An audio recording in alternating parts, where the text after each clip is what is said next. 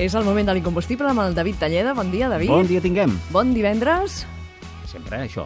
Sí, no? I, i, I bon dilluns, i bon mes, i bon any. Avui és bon divendres, segle. doncs et diem bon divendres. Estàs ben acompanyat, no?, de la Montserrat molt, Rossell. molt. I content. I, jo sempre estic content. Hey, Joe. Hey, Joe!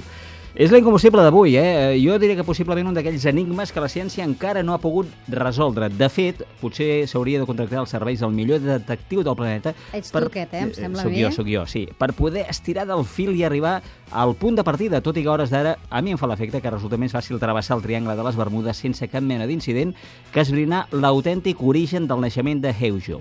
D'entrada, i abans de començar a explicar totes les diferents hipòtesis, unes quantes, totes no podria ser, perquè d'això en faríem un llibre de tres volums, 3 hores de programa Exactament. amb David Talleda. doncs val la pena dir que l'incombustible d'avui, aquest Hey Joe, és tot un clàssic de la història del rock i des de la dècada dels 60 se n'han fet centenars de versions diferents i pràcticament en tots els ritmes i estils, tot i que jo diria que encara no n'hi ha cap amb coble i orquestra. Has donat la idea, a veure què passa, no? Exactament, potser en Roger Mas, no se sap Potser. mai. Amb la Potser. cobla de Sant Jordi. També.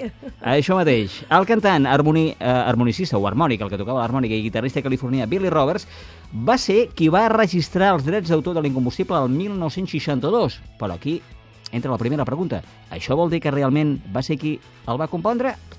Podria ser, si hem de fer cas, del cantant escocès Lynn Partridge, que fins al moment de la seva mort, mira, el passat 17 de març dels 93 anys, sempre va jurar que havia col·laborat amb Roberts en la creació de Hey Joe i que fins i tot la van interpretar junts al 1956 a diversos clubs d'Edimburg. Hi ha proves sonores d'això? Hi ha proves sonores d'això.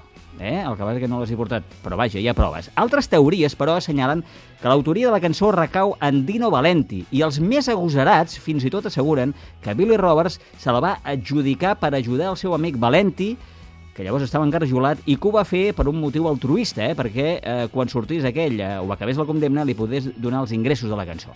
És clar. Eh? De què va Hey Joe? Això, de què doncs va, de mira, què va? explica la història d'un home que fuig de la justícia i decideix escapar-se a Mèxic després d'assassinar la seva dona amb una arma de foc. Fins i tot, el guió de la trama de la cançó no és aigua clara. Diuen que Billy Roberts va buscar la inspiració en tres fonts diferents. Que complicat, a veure. El primer a partir del tema Baby Please Don't Go to Town, que va escriure una novieta seva anomenada uh, Nilea uh, Miller i que va fer servir els mateixos acords.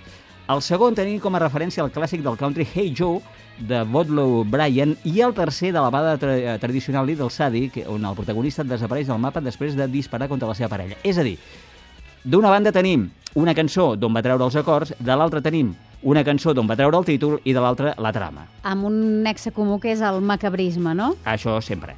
Eh? I així podríem anar buscant tots els punts foscos d'aquest incombustible d'avui, ben bé fins pràcticament la predicció maia, que després no sabem què passarà, no. i també en qui es va inspirar Jimi Hendrix a l'hora de gravar la seva versió del 1966, que d'aquí també es podria fer un llibre amb bastants volums. Però, en tot cas, tancarem aquest discurs només dient que ara la que escoltareu és la més coneguda i més popular. Doncs l'escoltem. Gràcies, David. Adéu!